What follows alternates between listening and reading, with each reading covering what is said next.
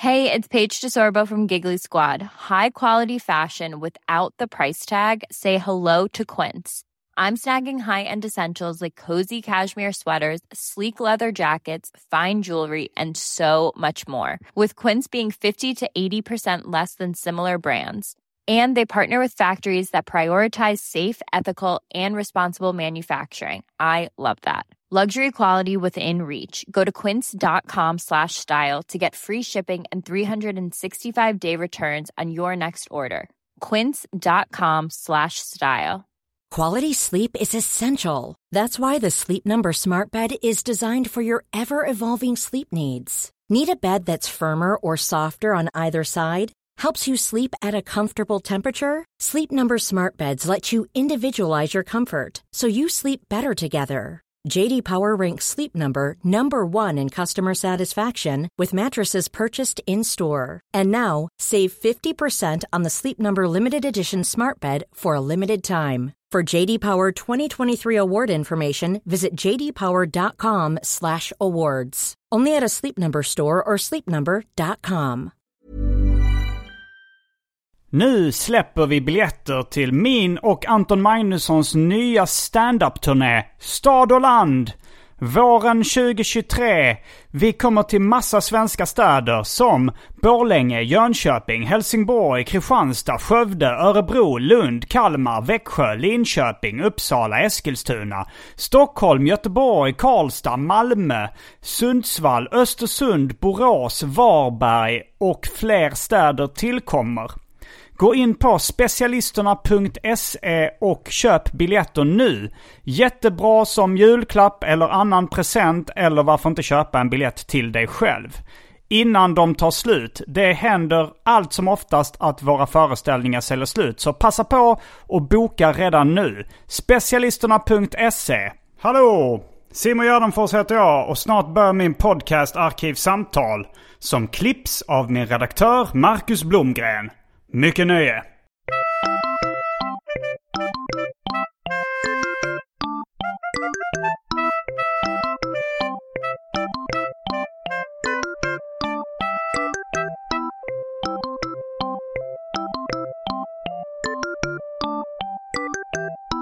Hej och välkomna till Arkivsamtal. Jag heter Simon Gärdenfors och med mig denna vecka har jag Jonas Strandberg. Välkommen till podcasten. Tack så jättemycket. Det är alltid trevligt.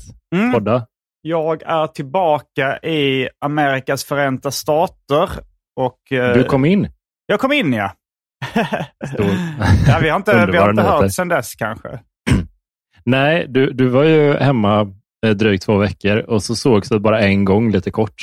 Eh, Mm. Men det var nog till och med bara ju 13 ganska... dagar eller någonting. Det var så? Ja. Ja, the, the, bare minimum för att du ska få återvända till staterna.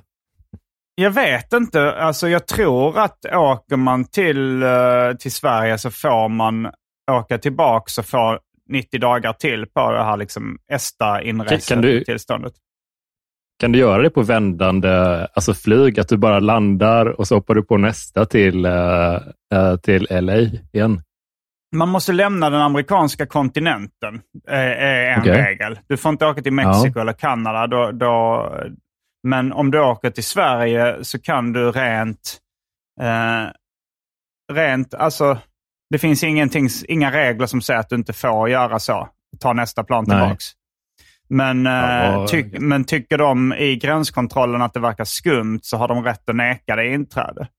Och jag Uff, kände att... alltså eh, den, två veckor, det är, det, det, är, det är minimum att det inte känns för skumt. Liksom. Ja, det var din magkänsla helt Ja, ja. enkelt. jag, hade, jag var med om en sån lite vagt creepy grej. eh, För jag, jag, jag skulle inte säga att jag är exakt flygrädd, men jag, jag tycker inte om eh, när planet lyfter. Nej. Det tycker jag är ganska... Det finns en obehagskänsla i det.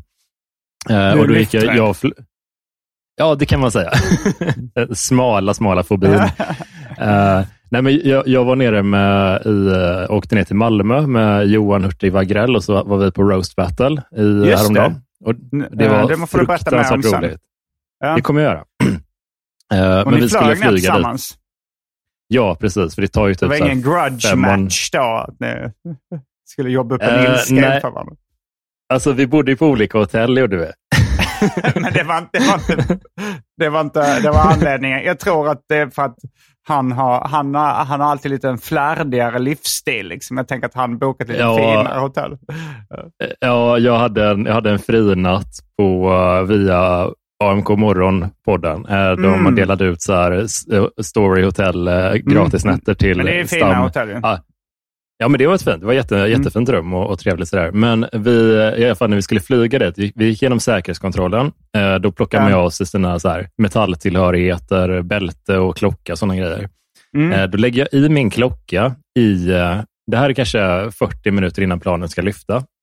Jag lägger Mm. i min klocka i och alla andra data och grejer i de här baljorna man får. Det går igenom Ja. röntgenkontrollen, eller vad fan det är. Och sen så när jag tar på mig klockan igen, då ser jag att den har stannat. Mm. Eh, men den har stannat på kvart över två, som är tiden planet ska lyfta. ah, eh, och och det här du är sa det liksom som ett 40. tecken från Jesus. Ja, jag fick en sån... Jag, jag, jag fick en sån... Eh, jag, jag, jag berättade för Johan och han blev också så lite blek tycker jag. Ja, ja, men alltså det, det är det här typiska så här, vidskepligheten att du, du, om det inte är det tecknet så skulle du säkert kunna hitta någonting annat. ja. Alltså hade det stannat på 13.00 som är oturstalet så hade du tolkat det Ja. som otur också. Och ja. ifall det hade varit... eh, eh, ja, men, ja, det, det går alltid att hitta något skit. ja, det är verkligen sant. Eh, nej, men så, så jag har också varit och flugit lite. Inte fullt så uh, lång, lång flight som du, men, Nej. men ja. nej, men du ska ju också roast, roastbattla snart. Kan, Ja, jag ska göra eller min du andra roast battle eh, här i LA. Jag gjorde en mot Los, Los Digits för eh, en Ja. månad sedan kanske det var som jag vann. Där var det lite mer Ja. så här grudge match. Jag tänkte det här att vi hade inte pratat med varandra innan. Alltså Mm. han svarade bara väldigt eh, kaxigt och kort när jag skickade meddelanden till honom. Eh, Ja. och, för han, han kände som han var i karaktär hela tiden och han var mer så här liksom, du vet, ja, det var mer wrestling över honom. Att Just han det. gick runt innan och då gick han runt med ski mask och liksom var sur och så. alltså så rånarluva gick han runt med i, på Comedy Store liksom innan matchen. Men kä- känns det inte, jag såg den äh, äh, Mm, batten och det mm. var ju skitrolig, men är det, i- i- jag tänkte på hans persona sådär, Eh, Mm. är inte den approachen, eh, jag, jag tänkte lite på sådana här method acting skådisar som Mm. Eh, spelar de en bad guy så, så är de lite otrevliga mot sina medspelare och sådär. Jo, Eh, Det känns som att den håller på att bli lite daterad, den eh, alltså skådespelar-approachen. Typ. Har, du, har du tänkt något på det? nu, nu när vi började prata om det så tänkte jag på wrestling. Liksom. Att det är ju den Mm. inställningen, alltså vara en heel där, vara den onda killen. Liksom. Och att man inte ska Just bryta kayfabe. Eh, Den här Mm. liksom, eh, magin då, eller den här, man ska inte bryta Mm. karaktär. Och jo men alltså jag tycker wrestling känns ju väldigt 80-tal också. Liksom. Alltså, Ja. Det var väl då, jag vet inte, alltså wrestling har funnits längre, men det var då med Hulk Hogan och sånt. Det pikade väl på 80-talet och det känns ju väldigt daterat hela den här, att inte bryta Just karaktär. Och, alltså, jag tycker Det alltid känns det känns så- lite löjligt när, när folk, Ja. alltså även när så här, Markoolio eh, blev intervjuad som då, eh, eh, som då liksom tidigt in i hans karriär. När då Mm. Markoolio var en karaktär mer. Det kanske det, det kanske det alltid har varit. Men då, då liksom blev han intervjuad i något P3-program och så säger de så här, Mm. har du flickvän? Och så är han då i karaktären eh, Markoolio och så säger han så här, ja, Marco har flickvän, men inte jag. Alltså, så här. Ja, det, det känns ju bara dumt liksom. ja. Det är så här, var, men, men det är så, var, det, men det är en så svår eh, typ för att method acting, man tänker ju det som du är inne på wrestling, det kanske inte Mm. är de, de är ju framförallt rekryterade för att de är liksom stora, starka människor. Liksom. Att de är bra på, på att Ja, göra men en också show. starka Liksom. karaktärer. Liksom. Det är väl viktigt Ja, men att de också- är så antingen likable eller unlikable på rätt sätt. Ja, men de är väl också så här, det, det ska vara enkelt för en, en brottarpublik, en lite packad brottarpublik att fatta dem. Typ. Jag tänker typ att det, det, Ja, men det är som 80-talsfilmerna, de var ju som 80-talsfilmerna, de var ju mycket tydligare typ på något sätt. Mm. Alltså, när, när, när, folk var, när method acting var en större grej. Liksom. Uh, och det, det, känns lite som att det, det är lite för, jag vet inte, det, det, det är lite för dum, en dum publik känner jag lite. Men, um, Ja, ja. men, eh, ja, så du, men det, hur gick uh, Roast Battlen? Den, eh, den finns den ute för allmän beskådan nu att se?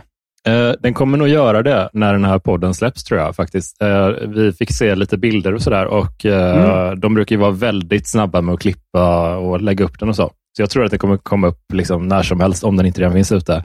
Men det var jävligt kul alltså. Det var Mm. verkligen det var så kul för att jag har varit med i två vanliga roaster tidigare och det var ju mycket mer ångestframkallande. Jag träffade dig efter, var det hem, eh, roasten av Henrik Mattisson? Eh, Mm. Och då så sa du aldrig igen. Eller något sånt där. Ja. Att du vill aldrig vara Ja, med om det här sant. igen. ja. Så sa jag efter den första roasten av Pelle Helgesson också. Ja. Eh, Men, men nu var det, det här kände jag typ direkt efter och typ under själva batten att det här vill jag ju typ göra om. Alltså, Mm. Det var jätteroligt verkligen.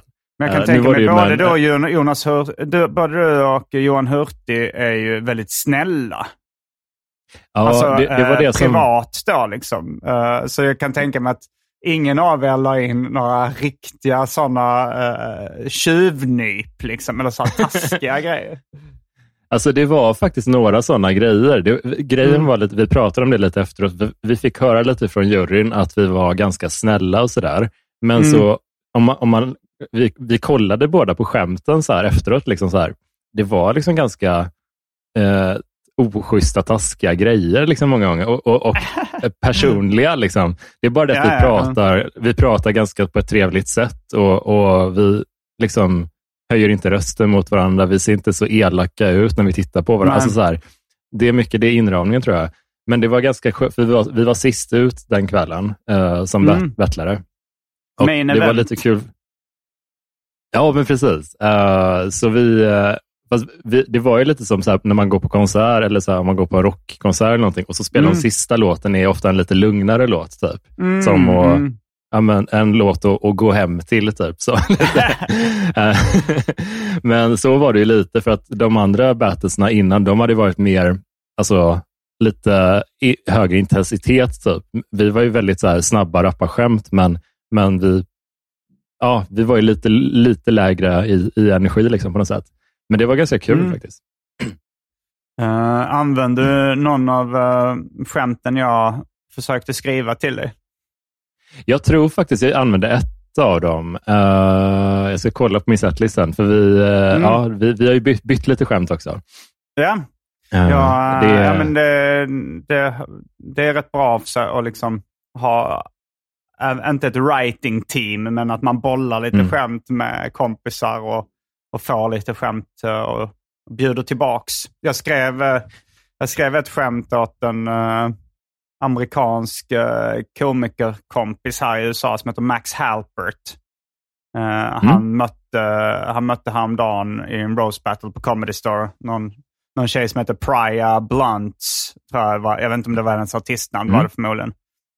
Men eh, då så, så skrev, alltså i USA, det är inte lika vanligt i Sverige, men det är så att när ronden går över till liksom, eh, när man säger så okej nu är det din tur eh, Max då. Och då så säger Mm. Max ofta thank you och sen så en kort, eh, ett kort förolämpning liksom om det är så här, ofta någon som är lik någon eller, alltså har du, har du eh, lagt Mm. märke till det?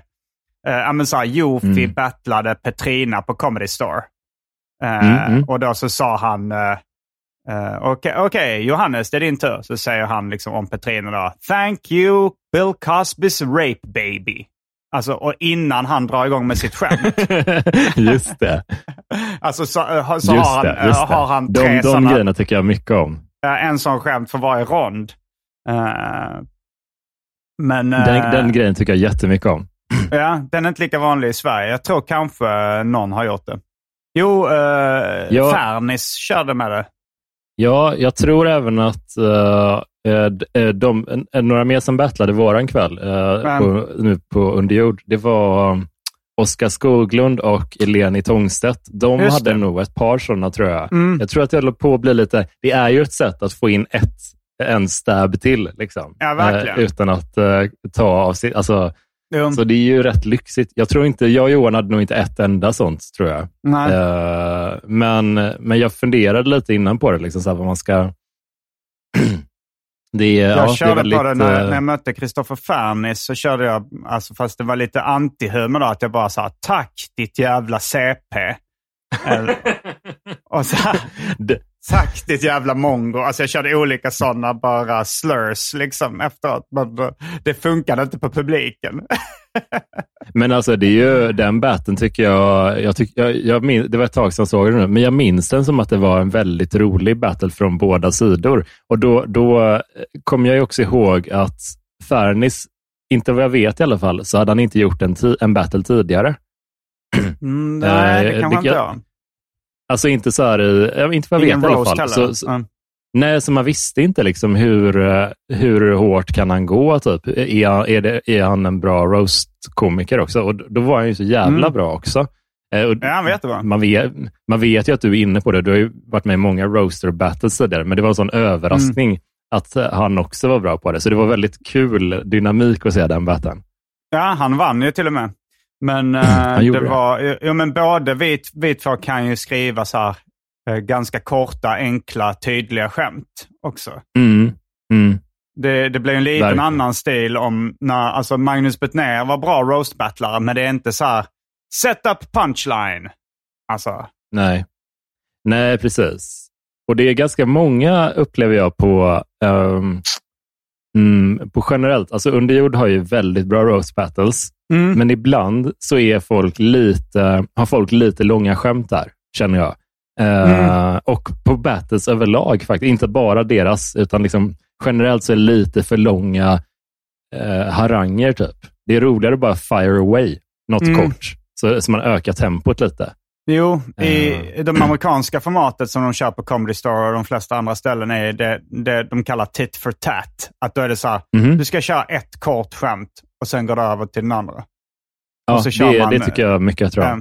ja, det är väldigt bra. Men det, är Det- ju också det blir lite ganska svårt. Fast, Det eh, är jättesvårt. mm. Spoilervarning. Uh, vill du avslöja vem som vann av det, Johan Hurtig? Spoilervarning. Eh, ja, det, det Spoilervarning. jag. Eh, jag vann faktiskt uh, den. Grattis! Oh, Tack så grattis. mycket. Eh, men det var, jag upplever att det var väldigt jämnt. Det var flera grejer som jag kände bara, ja men Mm. vad fan, det behövde du inte säga. men vi, var kom, vi, vi hängde ju direkt efteråt liksom och eh, jag visste inte alls vad han skulle ta upp och han visste inte alls vad jag skulle ta upp. Nej. Ehm, Så du tyckte han var lite det- över gränsen? Nej, det tycker jag inte. Jag, jag tyckte det var lite så här, det, det var en sån skön grej, typ att en, det, det låter så CP, typ, om man inte håller på med stand-up, men jag känner lite mer och mer att roaster och battles, att det blir som en ett sätt att lite skala av sig sitt, sitt ego, typ. Mm. Att man lite, blir lite mindre, jag vet inte, man får en rimligare självbild. Man blir inte lika full av sig själv på något sätt. Nej, det är ju ett sätt på något sätt att så här, eh, för det, för det, acceptera sina dåliga sidor på något sätt. För att det blir också så här, nu får man höra dem. Och, Mm. du, och vem som helst får höra dem. Det blir liksom för en publik Mm. och så läggs upp och ut på nätet. Så man, man får lite gå in med inställningen så okej, då får jag acceptera det här liksom. Mm, mm. ja, På ett annat sätt. men det är lite... Men jag kommer ju från, eller ju, jag kommer från en ganska eh, art, artig familj. Liksom. Vi bråkar Mm. inte skitmycket vokalt, typ, utan det är väldigt, eh, särskilt nu när jag och mina syskon är vuxna och vi, när vi träffas så brukar, brukar det vara väldigt trevligt. Det, det är inga Mm. högljudda bråk och tjafs och sådär. och det är inget passivt Eh, aggressivt heller eller? Eh, jag kan föreställa mig att det är lite mer av det, för de andra bor väldigt nära varandra och jag, Mm. jag bor jättelångt bort. Liksom. Um, Mm. Så att jag kan tänka mig att det är lite mer om man umgås eh, dagligen eller några gånger i veckan, typ att man är lite mer grinig med varandra. Men, men det är inte det här högljudda i alla fall. Och jag, tycker det, det, jag har hört att många familjer har det liksom, och jag har varit väldigt känslig för det länge. Typ, att vad jobbigt det är när de bråkar och tjafsar. Eh, eh, om man hälsar på en kompis och dens eh, liksom, föräldrar bråkade lite när man var hemma hos dem. Eller någonting. Sådana grejer tyckte jag var skitjobbigt. Mm. Men nu känner jag bara att det, jag behöver nog ha lite eh, sån, lite öppen, alltså man, man öppnar spjällen ibland lite i alla fall. Mm, mm. Uh, och det, det är rätt skönt faktiskt. ja. Men har du fått mersmak för... Äh, vänta, jag ska bara säga att nu har det blivit dags för det omåttligt populära inslaget Välj drycken.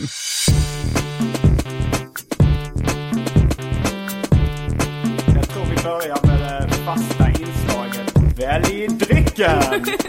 Och här kommer mina alternativ. Eh, mm. Filtrerat eh, kranvatten, eh, mandelmjölk. Det är nog de enda som finns kvar här just nu. Vad har du för alternativ? jag har jättemånga alternativ. Uh, uh, jag var lite sugen på kanske en Jack Daniels kanske. Ja, eh, vi måste också, för mig är det morgon och för dig är det kväll här, så det är lite skillnad. Ja, det, men, det är eh, det som är så roligt. om du tar ett glas mandelmjölk och jag tar ett glas whisky. Ja, men uh, då gör vi det. Ska vi göra så? ja, vi gör så. Då är vi strax tillbaka med dryckerna kända från det omåttligt populära inslaget Välj drycken. Häng med!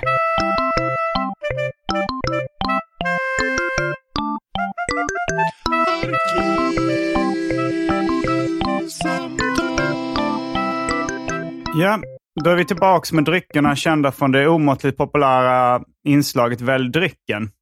Och du har en Jack Daniels antar jag? Ja. Och jag har... Det är... Uh, vad sa du? Nej, det, det bara, känns bara ro, roligt. Liksom. Uh, att uh, vi, vi, brukar alltid vara ganska uh, synkade i dryckesvaren upplever jag. så det är lite extra roligt nu. Men vad valde du? Jag valde mandelmjölk. du valde det perfekta valet. Ja, det, det, det står på förpackningen Blue Diamond Almonds Almond Breeze Almond Milk. Så det har mm, liksom mm, tre Eh, almond i sin titel. Blue Diamond Almonds Almond Breeze Almond Milk. Det är alltid det störigt tycker jag när, när det är för många uh, eh, sådana här. liksom. uh, ja, men du läser ju mycket Stephen King, så är det Dark Tower Part 5. The Dark Tower. Alltså det heter samma. Just det. Eller så. Ja, det är lite, det är lite uh, fult uh, rent visuellt på något sätt. Mm. Jag tycker det är det jobbigaste när man, när man skriver saker, liksom, att, att inte upprepa sig. Det, fast, fast, ja, fast du skriver det, mycket nu också. Ja, alltså jag skriver för uh, Café ganska mycket nu. Um, mm. och uh, då, alltså det brukar vara rätt mycket snabba nöjesnyheter. Typ. Att man ja. eh, plockar upp något och så, och så försöker jag göra en liten twist på det så det blir roligt att läsa också. Mm. Men då, då vill man ju få, få ut det fort.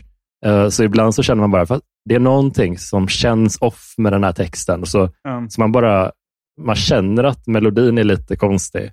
Och Sen ser man bara, mm. ja men där använder jag ju uh, uh, olidligt två gånger i samma stycke. typ Eller någonting.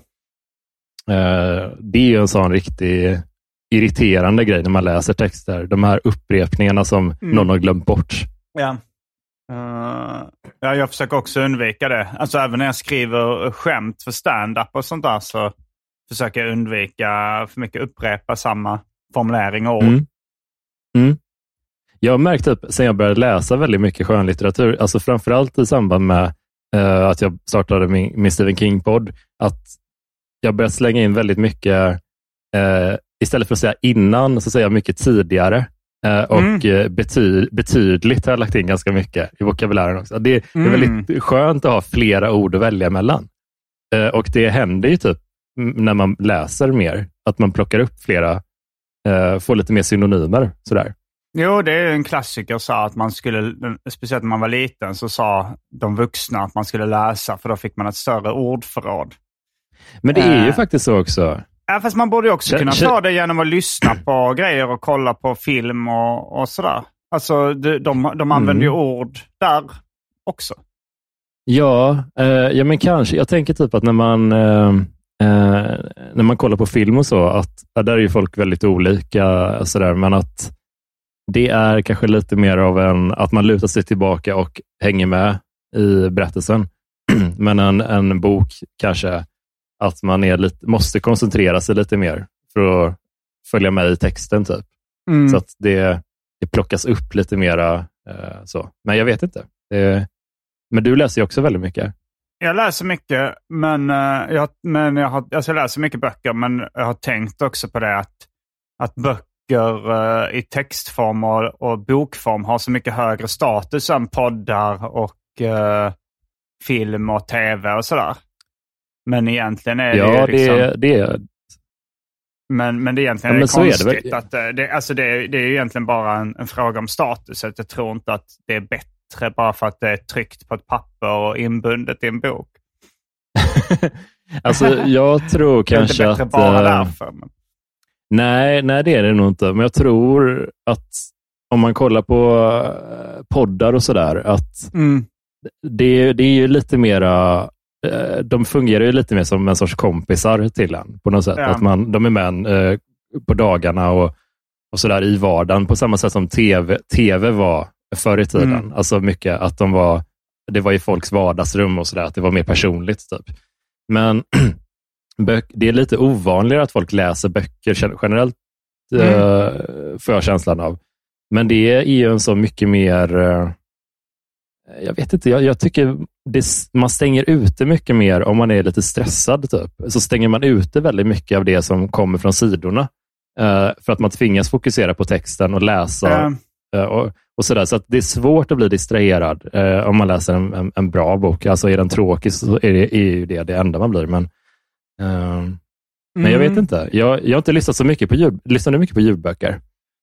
Nej, där tycker jag det är svårare att... eh, för att ifall jag börjar tänka på någonting annat när jag lyssnar på en ljudbok. För det, det gör Mm. jag rätt ofta. Alltså så här, man hör ett ord eller en, liksom en mening som man börjar associera. Så börjar jag, Mm. eh, så börjar jag ibland liksom tänka på någonting annat. Eh, Ja. Och när jag läser bok i textform, då, eh, då så stannar ögonen upp. liksom. Eh, och, Mm. så, eh, och så tänker jag på någonting annat och sen återkommer jag till texten. Men när man lyssnar Mm. på ljudböcker, då fortsätter bara rösten att rulla medan jag tänker på någonting annat. Och då missar det. jag det, det som liksom sades medan jag associerar vidare. Jag kanske hörde så här, de pratar om prinskorv. Ja, just det. Pri- ja, varför heter det prinskorv? Och så började jag liksom, ja just det, det, när man var liten åt man det ofta. Var det, var det bara på jul man åt prinskorvar? Var det, eller var det i något annat sammanhang? Det kanske man, jag vet, alltså så och då har, Ja. det är ju precis så. Jag känner verkligen igen ja. det. det, det, det men det, jag vet att många tycker om att lyssna, men jag, jag har aldrig riktigt förstått hur de gör själv bara. Nej, men en vanlig podd när det inte är liksom litteraturformen, när det är ett samtal Mm. mellan två personer, då har jag mycket lättare att eh, bara lyssna, att inte tappa tråden på något sätt. Ja, faktiskt. Eh, det kanske är of, ofta i så ljudböcker också att det är en person som pratar. Eh, det finns inte den där riktiga dynamiken på det sättet. Eller jag, jag vet inte, jag bara leker lite med Mm. Eh, Men jag, jag har ju läst en, en bok senaste tiden. Eh, Jag, började läsa den en kväll och så kom jag kanske så här, ja, men 60-70 sidor in. Eh, Du vet, ändå Mm. ett bra, en bra bit in. Ja, det är långt. Och, och, så, och så fortsatte jag dagen därpå och kom ungefär lika långt till, så att jag låg då ungefär halvvägs in i boken. Och nu ligger den här boken på min, mitt nattduksbord och jag Mm. har inte öppnat den på en månad ungefär. För att jag Mm. kommer verkligen inte ihåg alls vad den handlar om. Typ. Eller liksom, man kan det, det är faktiskt Alex Schulmans eh, senaste roman, Malmö station. Du Eh, har väl ett komplicerat förhållande till Alex Schulman, verkar det som. ja, jag, Alltså, jag har du- verkligen... Nej, men jag, jag vet inte riktigt hur jag ska reda ut det, för att jag tycker han är en eh, rolig person och han är duktig på att skriva, men han, det är som att när han skriver romaner, Mm. då känner han att han får inte vara rolig. Ja, det, det, det är nog det, om man ska reda ut liksom, Mm. eh, den vibben, ja, varför det, jag inte gillar hans romaner så mycket längre. Men jag har gett dem chans efter chans. Eh, Mm. det, här är den, det här är faktiskt den fjärde Schulman-romanen som jag läser. Alltså, det har gått den? flera år. Eh, Vad heter den du? Eh, Den heter Mal Malma station och den utspelar sig Okej. på ett tåg. Eh, och det, är- det är flera olika karaktärer man följer och så är det lite olika, deras tragiska barndomsberättelser allihopa. Eh, men den är lite så... eh, pro, ja, men jag tror att han, han, han kastrerar sig själv lite när han skriver romaner. Att han Mm. bara... Ja, han är en rolig person faktiskt. Han är en väldigt rolig berättare eh, många gånger och har ju haft Ja, men du vet, så, han är duktig på det tycker jag. Men han, han ty- tycker att det inte är finkultur på något sätt. Att när han skriver böcker så ska det vara allvarligt och sorgligt Ja, ja, ja. och eh, Mm. eh, slaget. slaget ska det vara. Att man känner sig besegrad på något sätt. Jaha, ja. Eh, Jag har men aldrig det är den läst någon av hans tonen, så. böcker. men svenskar gillar sånt väldigt mycket tror jag. Det är, Mm. det är, de, de gillar när det är sorgligt och när det är gripande och starkt och, och när det är besegrade huvudpersoner som, som Mm. inte riktigt orkar saker. Eh, och de tycker inte om, nej jag vet inte, det eh, har du läst någonting om honom? Nej, jag har aldrig gjort det. Jag har inte läst eh, nej, varken uh, någonting av honom eller av Sigge Eklund faktiskt. Alltså jag har läst någon novell för länge sedan av Alex Schulman, men det är nog det enda. Men det, det är så svårt när man har en sån författare som inte längre alls är ens favoritförfattare på något sätt, men som man ändå ibland kommer tillbaka till. Typ. Lite, för man vill ändå ge... Men det har varit det för dig, alltså Alex Schulman? Jag, nej, inte, min favoritförfattare har det inte varit, men jag tyckte väldigt mycket om hans allra första roman. Och Sen så läste jag hans Mm. blogg väldigt länge när han hade den i början. Men eh, ja, jo, men det alltså, är något speciellt med konstnärskap i allmänhet det här när man har varit ett ex- extremt stort fan och man Mm. gillar, eh, man gillar alltså, och sen så kommer det något nytt verk. Det kan vara liksom en låt, en bok eller en tecknad serie eller något sånt eller Mm. humor eller vad som helst. Och sen märker man att den här personen verkar inte ha det längre. Alltså verkar inte ha Nej. kvar det jag gillar längre och verkar kanske till och med ha tappat det helt. Alltså, så har jag känt med ganska många, låt oss säga till exempel Todd Solondz, filmskaparen, Mm. som gjorde min favoritfilm eh, Happiness. Liksom. Mm. Eh, jag kände att efter ett tag så tappade han det, var, så var han inte bra längre. Någonstans kanske mm, Life During Wartime, den som skulle vara en uppföljare till Happiness, den kände jag, där, där hade han tappat det. Och så känner jag mig liksom serietecknaren Sam Henderson som var så himla rolig serieskapare, gjorde skämtteckningar, serier som jag skrattade jättemycket åt. Sen bara efter ett nummer av hans tidning Magic Whistle, så, han, har, han verkar ha tappat det. Sen kommer han inte tillbaka. Liksom. Och det är också liksom lite, man blir lite rädd för att tappa det själv då också. Liksom. ja, Att det kommer kanske Eh, hända någon gång, jag vet inte. ja, Medan vissa, känner, vissa verkar kanske aldrig tappa det. Alltså vissa verkar vara bra uh, jättelänge. There's never been a faster or easier way to start your weight loss journey than with PlushCare. PlushCare accepts most insurance plans and gives you online access to board-certified physicians who can prescribe FDA-approved weight loss medications like Wigovi and Zepbound for those who qualify. Take charge of your health and speak with a board-certified physician about a weight loss plan that's right for you. Get started today at plushcare.com slash weight loss. That's plushcare.com slash weight loss. plushcare.com slash weight loss. Hey, it's Paige DeSorbo from Giggly Squad. High quality fashion without the price tag. Say hello to Quince. I'm snagging high-end essentials like cozy cashmere sweaters, sleek leather jackets, fine jewelry, and so much more. With Quince being 50 to 80% less than similar brands. And they partner with factories that prioritize safe, ethical, and responsible manufacturing. I love that. Luxury quality within reach. Go to quince.com slash style to get free shipping and 365 day returns on your next order. Quince.com slash style. Life is full of awesome what ifs, and some not so much, like unexpected medical costs. That's why United Healthcare provides Health Protector Guard fixed indemnity insurance plans to supplement your primary plan and help manage out of pocket costs. Learn more at uh1.com. Ja, alltså jag typ kan känna lite det ibland. Eh, jag touchade lite, alltså bara vagt på det när, när jag gästar Anton Magnussons podd, men jag kan Mm. känna så lite, inte som en så äh, depp äh, emo-grej, men jag kan känna att jag har mycket svårare nu för tiden att hitta, hitta skämt. Typ. Att, att, eh, att det, det tar emot så fruktansvärt mycket att skriva ett roligt skämt. Det blir nästan svårare och svårare för varje, alltså inte varje dag, det är att ta i väldigt mycket, men över tid så har jag märkt att det har blivit svårare. Men att skriva är fortfarande precis lika roligt. Det är bara det att humor, stand-up-grejen är lite... eh, jag vet inte. Det, Du lyckades ändå skriva ett vinnande roast battle ganska nyligen. ja, ja, men det var någon sorts ny... Alltså, man fick ju lite så här skjuts i det, för att det var en annan, ett annat koncept. lite Mm. typ. Att det var eh, en tävling. typ. Ja. Och, och, så det var, ju, det var ju väldigt roligt. Liksom. Men, eh, men jag tror att det, det kan också typ vara lite okej att erkänna för sig själv, eller liksom lyfta den möjligheten i alla fall. Att, Mm. att man kanske inte är just nu i sin absolut roligaste fas.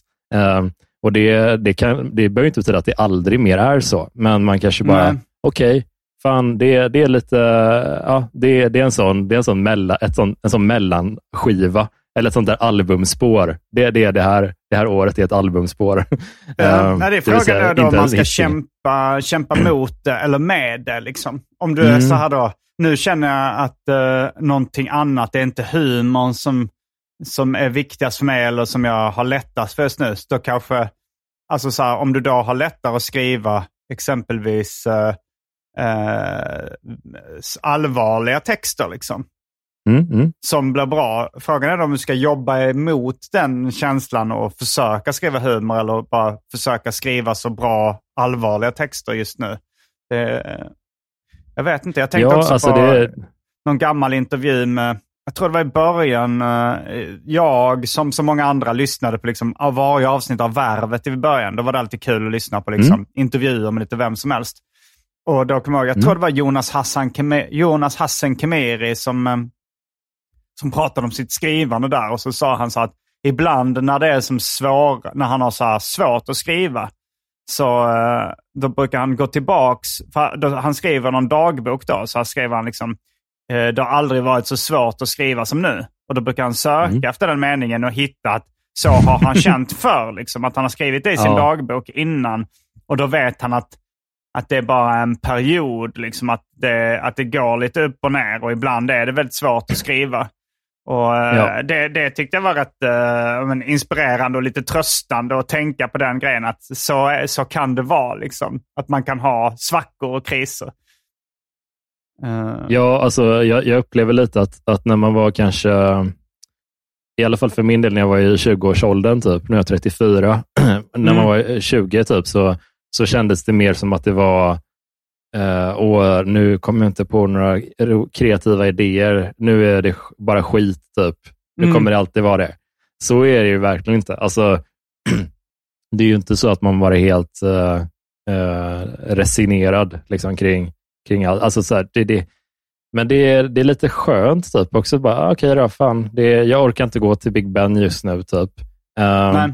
men sen har, man- ju också sett lite hur Eh, det är inte alls en varningsklocka som ringer nu, men jag, jag får lite eh, känslan ibland när man kollar på personer som till exempel Aron Flam, eh, som jag tycker, har tyckt väldigt mycket om som komiker när han liksom höll på med stand-up. Och Nu har han slutat med det och umgås inte med komiker längre. och är, Inte vad jag vet i alla fall. Men han är lite i, i en annan krets nu.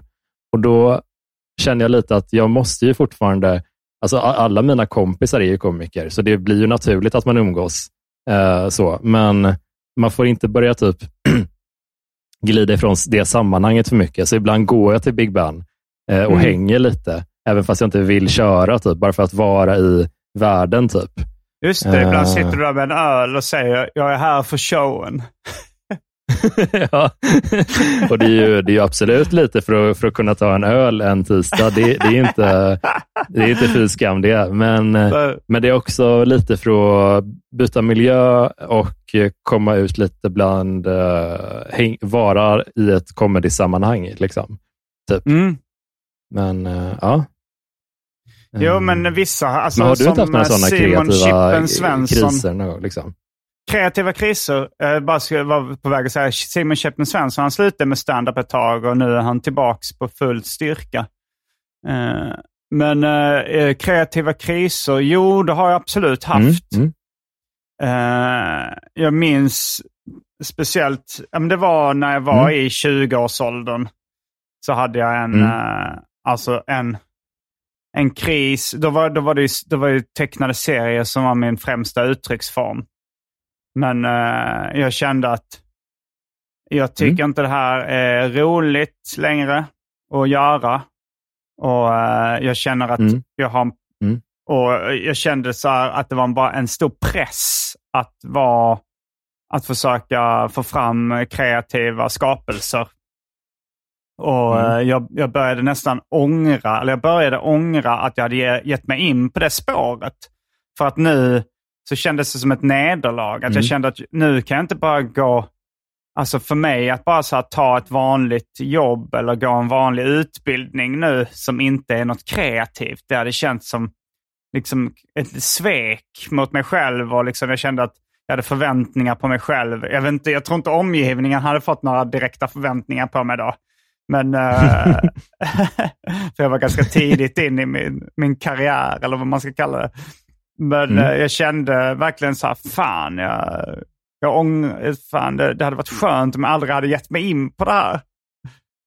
Eh, så absolut så hade Ja. jag, men då, och, och så kämpade jag då, för jag kommer ihåg då, då var det en, eh, en serieantologi som hette Allt för konsten som gavs ut av Ingmar Bengtsson på Optimal Press i Göteborg.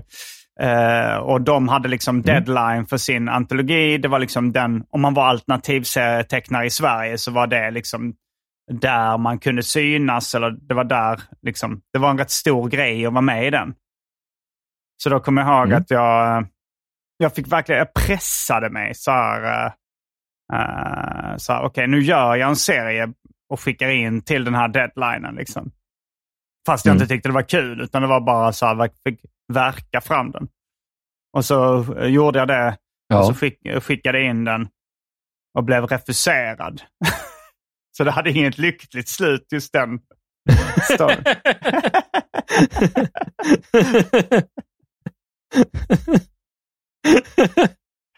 Så jävla roligt är det.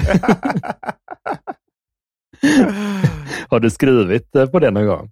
Alltså, skrivit stand-up skämt om det. gång? Nej, nej. Jag, jag, jag, känner, jag har svårt att tro att det skulle Ja. bli en eh, bra rutin. Men, men, uh, ja, men det, det, det är rätt roligt. Det finns ju något roligt i det här när uh, upplägget är som alltså, att... eh, ja, ja. Eh, upplägget är som, uh, alltså så här, nu, man tror att det kommer vara ett lyckligt slut, men det har det inte. Alltså det, det, det slutar väl bättre sen. Jag, jag, jag, det var nog i samband med en depression som uh, när jag kom ur den så gick allting mycket lättare. Liksom. Men, uh, men jag kommer ihåg att när jag var liten och såg uh, på ja. tv. eh, det var där med Kevin Arnold, En härlig tid hette det. Jag tror det hette The Glory Days på engelska. Kommer du ihåg den tv-serien? Det är liksom en, det är en, det är en vuxen mans röst som Ja. du, dubbar en ung killes uh, skådespeleri. Och så handlar det då om, eh, eller berättarrösten, han minns 50-talet liksom. Och så är det då en tv-serie Mm. med Kevin Arnold. Men jag kommer ihåg när jag såg den som, som barn och så var det en sån, en sån scen när eh, en basketmatch då, där Kevin Arnold spelar basket och man såg liksom eh, deras lag låg en poäng under. Och, eh, och så var det så här, och så skulle man se han eh, han fick bollen, liksom. man såg tiden räknas ner. Det var bara några sekunder kvar på matchen.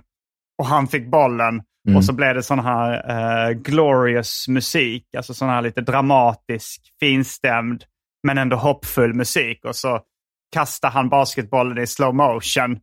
Och så ser man det räknar ner, det är bara några sekunder kvar. Och så missar han korgen. Det är så jävla kul. Ja, och jag kommer ihåg, jag tyck, för jag var kanske 12 eller något sånt när jag såg det. Jag tyckte bara så, vilken genialisk serie. Fy fan vad bra. Det här hade jag inte väntat Mm. mig. Jag älskar det här. Nej. Liksom. Tyckte det var så jävla bra. Men, det, men ibland, ibland, uh, ibland händer sådana saker i verkligheten också. Jag kommer ihåg för att jag, uh, jag och Kim W. Andersson, uh, han är också serietecknare, mm. men vi, vi snackade lite om att, om att börja med stand-up ihop. Liksom. För vi, vi, mm. han, han, kände rätt många av de här liksom, eh, Malmö-komikerna som hade varit med i Tankesmedjan och sånt. Kanske för att Liv Strömquist gick på serieskolan och sen började på, tank, på liksom P3 där Jesper Röndahl och eh, de lärde känna hela Oslipat-gänget liksom med Fritte. Och, mm. och sen liksom började vi hänga lite med dem i Stockholm. Eh, och då så, så snackade vi om att börja med stand-up. Och jag började, men han började aldrig. Han kanske gjorde ett gig eller något sånt där. Eller två. Mm. Men så kom jag ihåg att han frågade mig hur det hade gått när jag hade hållit på ett tag. Och då berättade jag så här att, att uh, första gången uh, jag, jag testade, liksom, jag körde på, uh, på Big Ben. Liksom. Då försökte jag anpassa mig lite till vad jag trodde att publiken ville ha. Liksom så här, mm. jag, jag drog bara skämt som, okej, okay, de kommer nog inte tycka det är roligt med det här grova humorn och det här chock chockerande grejerna och sånt där, det vulgära, det, det struntar i. Så jag säger grejer mm. som, de, som jag tror de kommer gilla. Ja. Och då gick det jättedåligt. Vad, vad kunde du prata Lyfte du behöver inte recitera skämt om du inte vill, men Nej. vad hade du för ämnen som du gick in på? När du försökte vara bred och tilltalande? Ja, nej, det var mer att jag undvek rasism, sexuella övergrepp mot barn eh, liksom, och ironisk sexism och ironisk... Jag hade ja. ju liksom all, alla känsliga ämnen som jag pratade om. Liksom. Mm, mm. Men, och, och, men då undvek jag de ämnena. Men det, giget gick jättedåligt. Liksom. Jag fick knappt något skratt alls.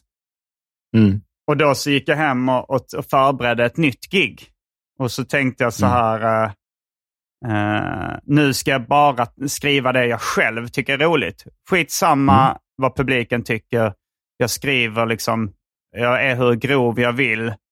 Uh, så länge jag tycker det är kul så kommer säkert det finnas fler som tycker det också. Och, mm. då, kommer jag, och då kommer det liksom var, komma från en ärligare plats på något sätt. Mm. Så jag gick jag hem och skrev ett sånt sätt som var liksom grovt och som jag själv tyckte var roligt och gick upp på Big Ben och körde det. Och det gick ännu sämre.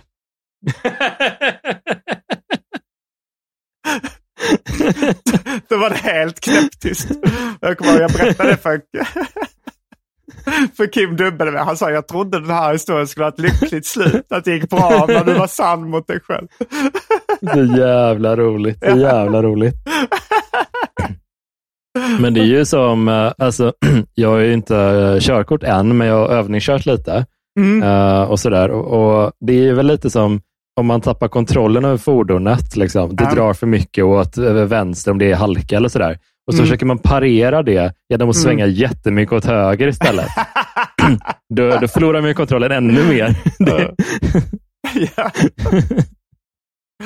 Det, det känns nästan som ett Jonas Strandberg-skämt också det här. Att, att, att, det, det här att så, så då parerar det genom att skritt, svänga överdrivet. Ja, det, det, det blir ju inte ett skämt när jag ser det, men det känns som en sån, en sån bild som målar upp att det är så. Mm. Men det är, det är kul med, med misslyckanden faktiskt. Ja, det, det är klart det är på något sätt. Alltså det är ju...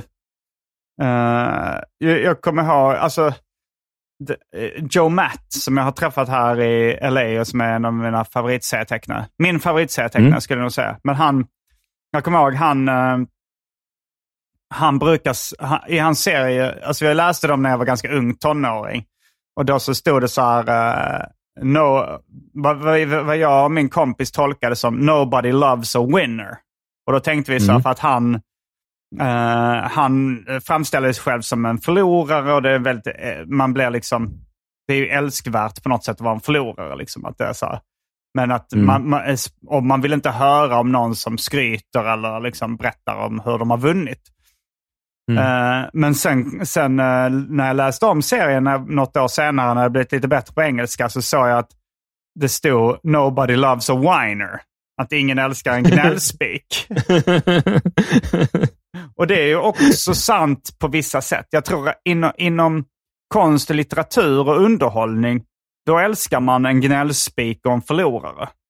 Alltså då Mm. vill man se George i Seinfeld eller Joe Matt eller jag vill gärna se förloraren där. Alltså, det finns Just ju det. många som vill se en hjälte också, men är man inte barn Mm. och vill se en hjälte, då är man en idiot, tycker jag. ja, men, eh, om du vill se någon sån actionhjälte som alltid vinner, det, det, det är för Ja. barn. Men, eh, Ja. men i verkligheten är det lite tvärtom. I verkligheten gillar folk inte gnällspikar. Och eh, i verkligheten så gillar folk framgång. liksom. Då, eh, Alltså, jag, jag, man får aldrig så mycket likes och sånt där som man lägger upp om man har vunnit något pris. Eller, Nej. eh, då, och, och liksom, det verkar ju vara attraktivt i alla sammanhang med framgång. Liksom. Men, eh, Ja, men, men när det skildras som konst så vill man ha en förlorare och en gnällspik. ja, verkligen. Det, det finns en, eh, en eh, julfilm, typ, ja, men det är det, som heter The Night Before, Mm. eh, som handlar om tre... Har du sett den? Nej? Ja, den handlar om tre eh, ja, men så här barndomskompisar. Typ. Det är Seth Rogen, det är Anthony Mackie och det är Joseph Gordon-Levitt som spelar huvudrollerna. Mm. Och eh, Seth Rogen och de har liksom varit så här riktiga, ja, men, rökt mycket gräs och festat och college-kompisar. Liksom. Mm. Men då börjar Seth Rogen och Anthony Mackie de börjar glida vidare i livet. Liksom. De har typ, eh, jag tror de har stadiga förhållanden och, och eh, Joseph Gordon-Levitt känner sig lite som att han är han är hotad typ på något sätt. Att Mm. eh, deras vänskap är hotad för att de har alltid haft det här. Det, det har alltid varit de tre och de har alltid firat jul på det här lite, ja men de har varit på någon galen fest varje jul typ. Mm. Eh, och han känner att det här, nu är det typ eh, på väg att ta slut det här. Och hans, hans sätt att liksom handskas med det där är så jävla roligt på något sätt. För att det, han är ju typ eh, besatt vid att hålla kvar vid det de alltid haft. Och han blir ju typ lite loser-stämplad i den. Eh, just för att han är så rädd för det. Och när någon är rädd, då blir de lite, ja men det blir lite en loser då på något sätt. Mm. Hade han bara levt kvar sådär så hade det inte varit någon fara. Eller liksom, men, men i och med att han är så himla han är ju lite, lite av en gnällspik i den filmen. Typ, så här, Mm. Att han bara, ja, men ni, ni har ju era relationer, men det är ju bara jag. Och han är så jävla lite sorglig figur för att han Ja. klagar på det. Men gillar man honom mer i så- filmen? Eller gillar man inte? Eh, alltså, ja, alltså jag tycker typ man gillar honom för att det, eh, i och med att han gnäller och sådär och är lite, eh, ja men han är en sån deppig person, så Mm. blir han ändå lite, man kan ändå, han vågar uttrycka de känslorna typ. Ja. Och det är ju ganska skamliga känslor. Typ. Alltså, det är ju, och det, det kanske är det, eh, eh, att man vågar göra det som folk ändå tycker att ja, men fan, det, är, det är en, en likable karaktär, även om det är ett, en, en riktig loser på något sätt. Mm. Men där kanske det kommer in i bilden att det är en eh, person på film. Så då gillar Mm, man, mm. men i verkligheten hade man kanske tyckt det var jobbigt. Ja, ja men verkligen. Alltså, men det är ju typ en, en sån uh, filmtrope som jag är, är oerhört svag för. Den, eh, den ja, men, före detta partykungen i Mm. gänget, som numera fortfarande vill vara det. Ja. Men det ork, orkar inte de andra riktigt. Stifler i American Pie typ, till exempel. Han är, ju- Ja. han är typ en av mina favoritkaraktärer någonsin. Alltså, han är så jävla bra. Eh, ja, han är ju typ det. Han är så... ja, han är, på något sätt han är en sån riktig douchebag, men de lyckas ändå skriva honom. Han lyckas eh, spela honom väldigt så ja, men mäns- mänskligt liksom, på något Mm. sätt. Eh, att han känns som att ja, men han, är inte, han, är inte, han är inte en elak person. Han tycker bara om att ha svinkul. Ja. Eh, och eh, sådär. Så det, har, du någon sån från den tropen? Liksom, den, eh, är det ens en trope? Men den där fest, festkillen i gänget? Typ. Alltså jag älskade väldigt mycket Kyle Kinane. Det, jag tror Mm. det uttalas så, men det, det är en komiker här från USA som jag har sett live ett par gånger. Men han, eh, och han, han eh, släppte en, ett stand-up-album när han var liksom 44 som jag har lyssnat på. Där eh, han Mm. pratar om den tropen, eller vad man ska kalla det. För att han, han sa att han hade begränsat sitt drickande. Liksom, att nu är han en sån som som tar en två eller tre öl och sen går hem. Liksom. Som Mm. han själv tyckte var tråkig för. Men så sa han att, eh, att det finns, eh, eh, att, det, att det finns, i det här, i den här standardrutinen så pratar man att det finns tre vägar att gå. Liksom. Att, Eh, antingen så blir du helt nykter, som många gör som liksom har alkoholproblem. Eh, eller så gör du som han, eh, han själv har gjort då, att begränsa sitt drickande och gå hem efter två öl. Och så här, or you can just go on and keep on partying and scare your friends.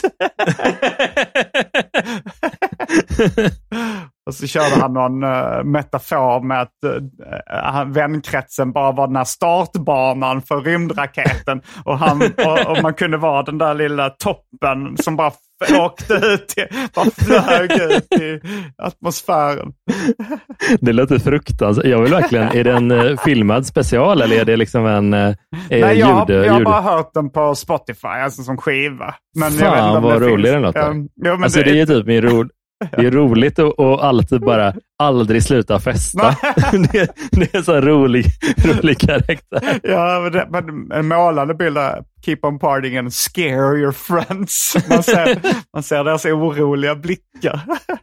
Ja, alltså det är någonting eh, med att den, eh, den personlighetstypen är ju mer accepterad i mer konstnärliga eller så, så ja. kretsar. Ja, men typ för dig och mig så är det inte lika sinnessjukt eh, om man är en person i, eh, i våra åldrar liksom, som typ eh, fe alltså, festar många gånger i veckan. Nej, eh, nej. I och med att det, det hänger ihop med nattjobb, det hänger ihop med alltså, jobb i krogmiljö och mm. det hänger ihop med alkoholism också. Ja, och men, konstnärsmyten.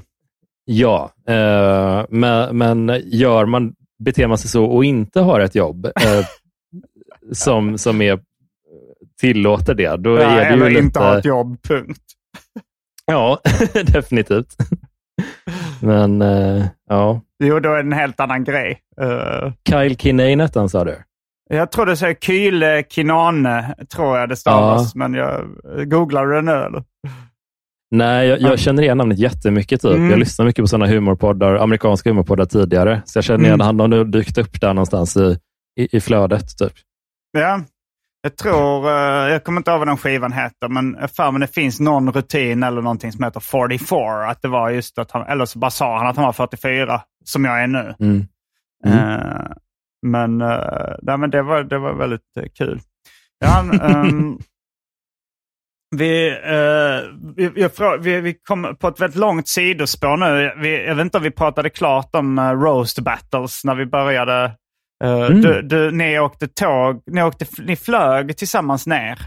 Uh, ja, du ja, och Johan Hurtig. Uh, ja, ja, just det.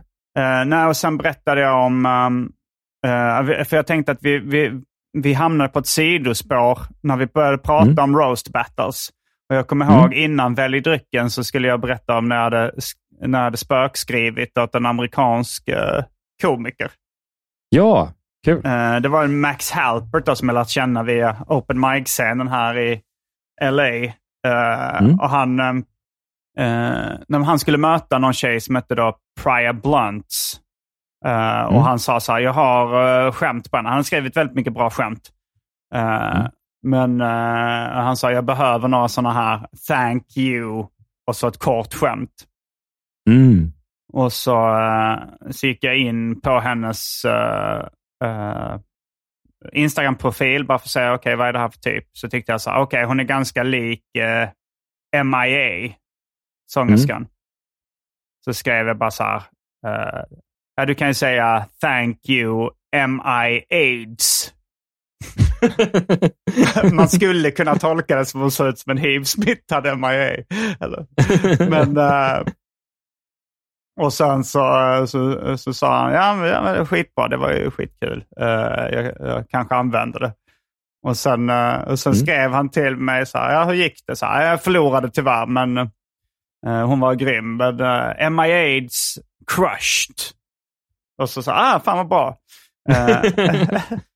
så, men så gick jag in och kollade. De hade, okay. de, hade, de hade filmat det då och det låg uppe på YouTube.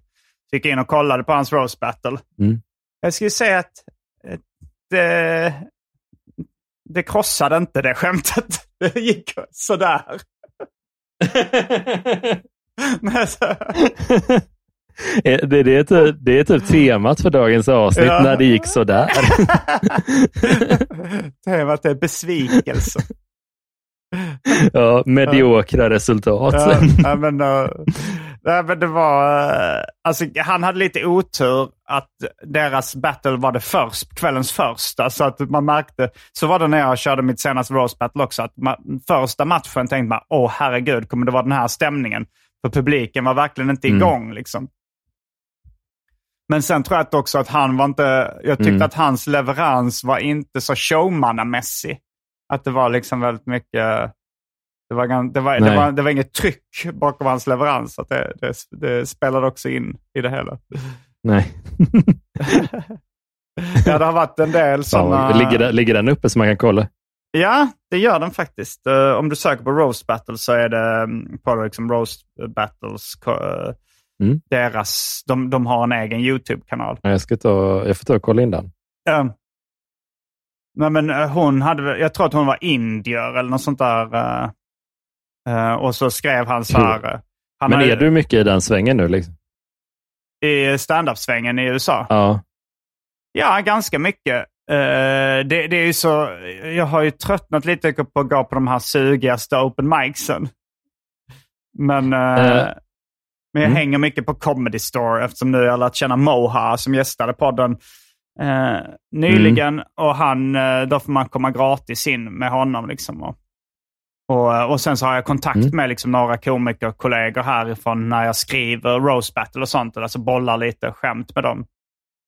Men han hade något sånt liksom skämt som också jag tyckte, fan det här är bra grejer. Och det här, eh, Mm. ja, men han, han skrev så här, eh, när han bara skickade skämt så skrev han så här, thank you cum dog millionaire. Det tyckte jag, så här, den, den kommer ju riva liksom.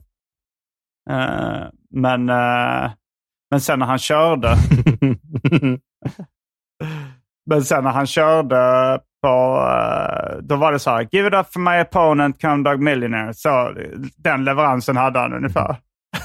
Men gud, han bara slarvar bort det. Ja, jo, verkligen. Jag funderar på eh, om vi ska börja avrunda det här ordinarie avsnittet. Hade du någonting mer på uh, ditt roast battle mot Johan Hurtig eller vad, hade du pratat klart om det?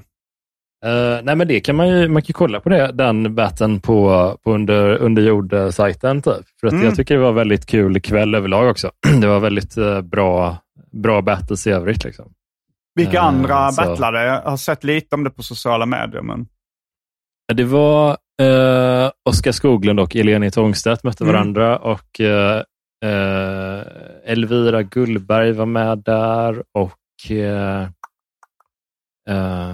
ja, vilka var det mer? Eh, nej, men det var, det var liksom ett br- bra, bra, bra upplägg på kvällen. Liksom. Mm. Eh, grejen med dem, alltså, jag tycker de är så lite extra, eh, oavsett om man känner till komikern eller inte, och kolla på de battlesarna är ju alltid svinroligt. Typ. Ja. Eh, jo, men så är det ju att uh, Under jord också, som ligger på, de har klubb på Brewhouse i Malmö. Det är Johannes Finnlaugsson, Petrina Solange och Arman Reinsson som driver klubben nu för tiden. Det, det tycker Mm. jag är liksom Sveriges bästa standup-klubb. Eh, även om de, de kör roast battle älskar jag, men även när de har vanliga kvällar så är det liksom den bästa standup-klubben i landet. Ja, alltså verkligen. Den är riktigt, riktigt bra. Det, det är alltid så grym publik också där. Det känns som Ja. att man får vara lite mera, eh, alltså testa lite mera idéer Mm. och sådär. Liksom. Jo, det, det är Ah. liksom inte lika mainstream som... Alltså de proffsigaste klubbarna i Sverige är väl kanske Raw Comedy och Norra Brunn.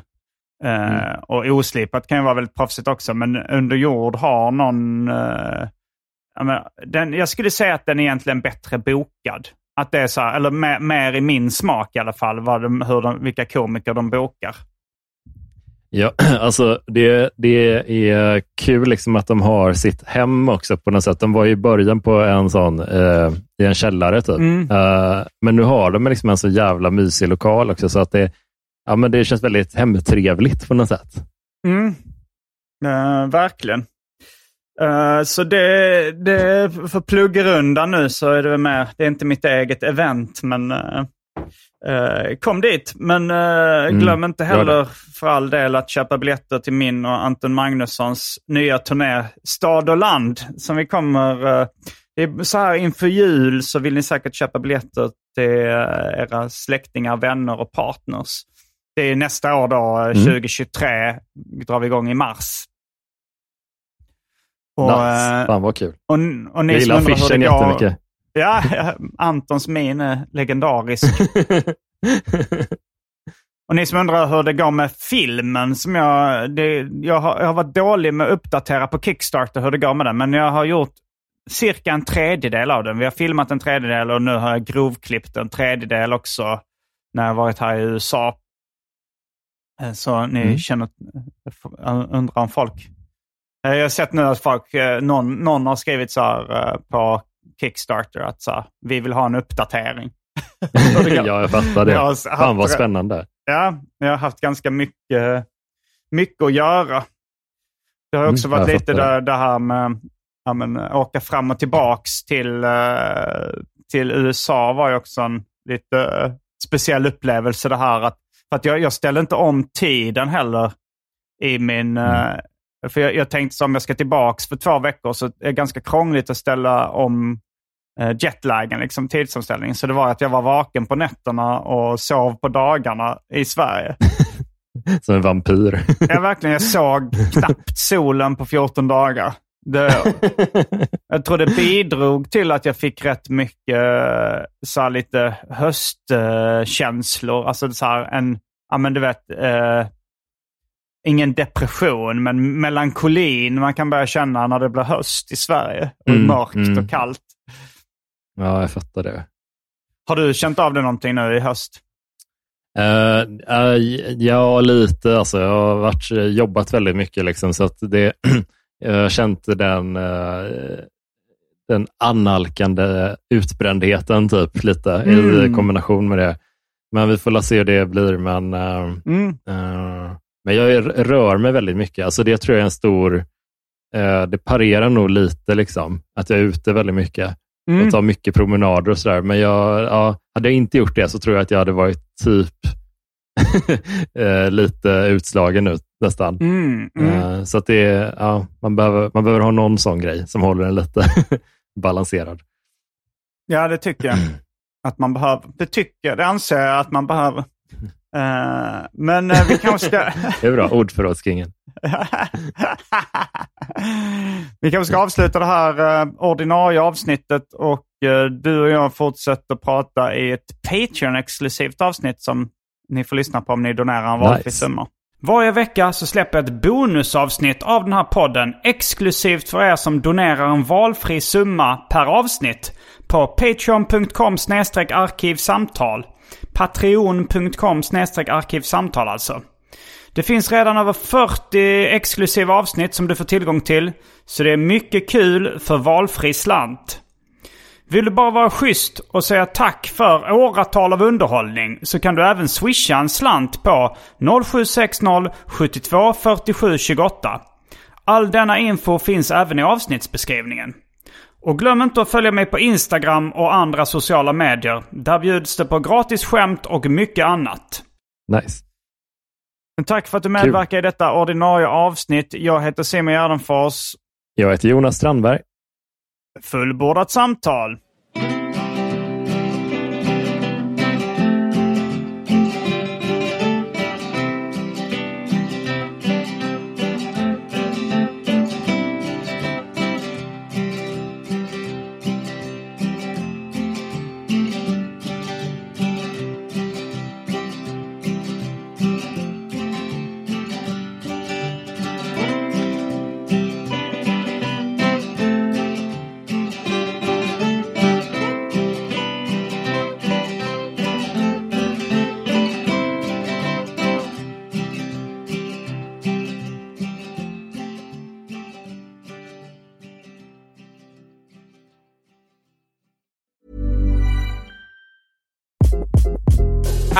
This is Craig Robinson from Ways to Win, and support for this podcast comes from Invesco QQQ. Invesco QQQ is proud to sponsor this episode and even prouder to provide access to innovation for the last 25 years. Basketball has had innovations over the years too. We're seeing the game played in new ways every day.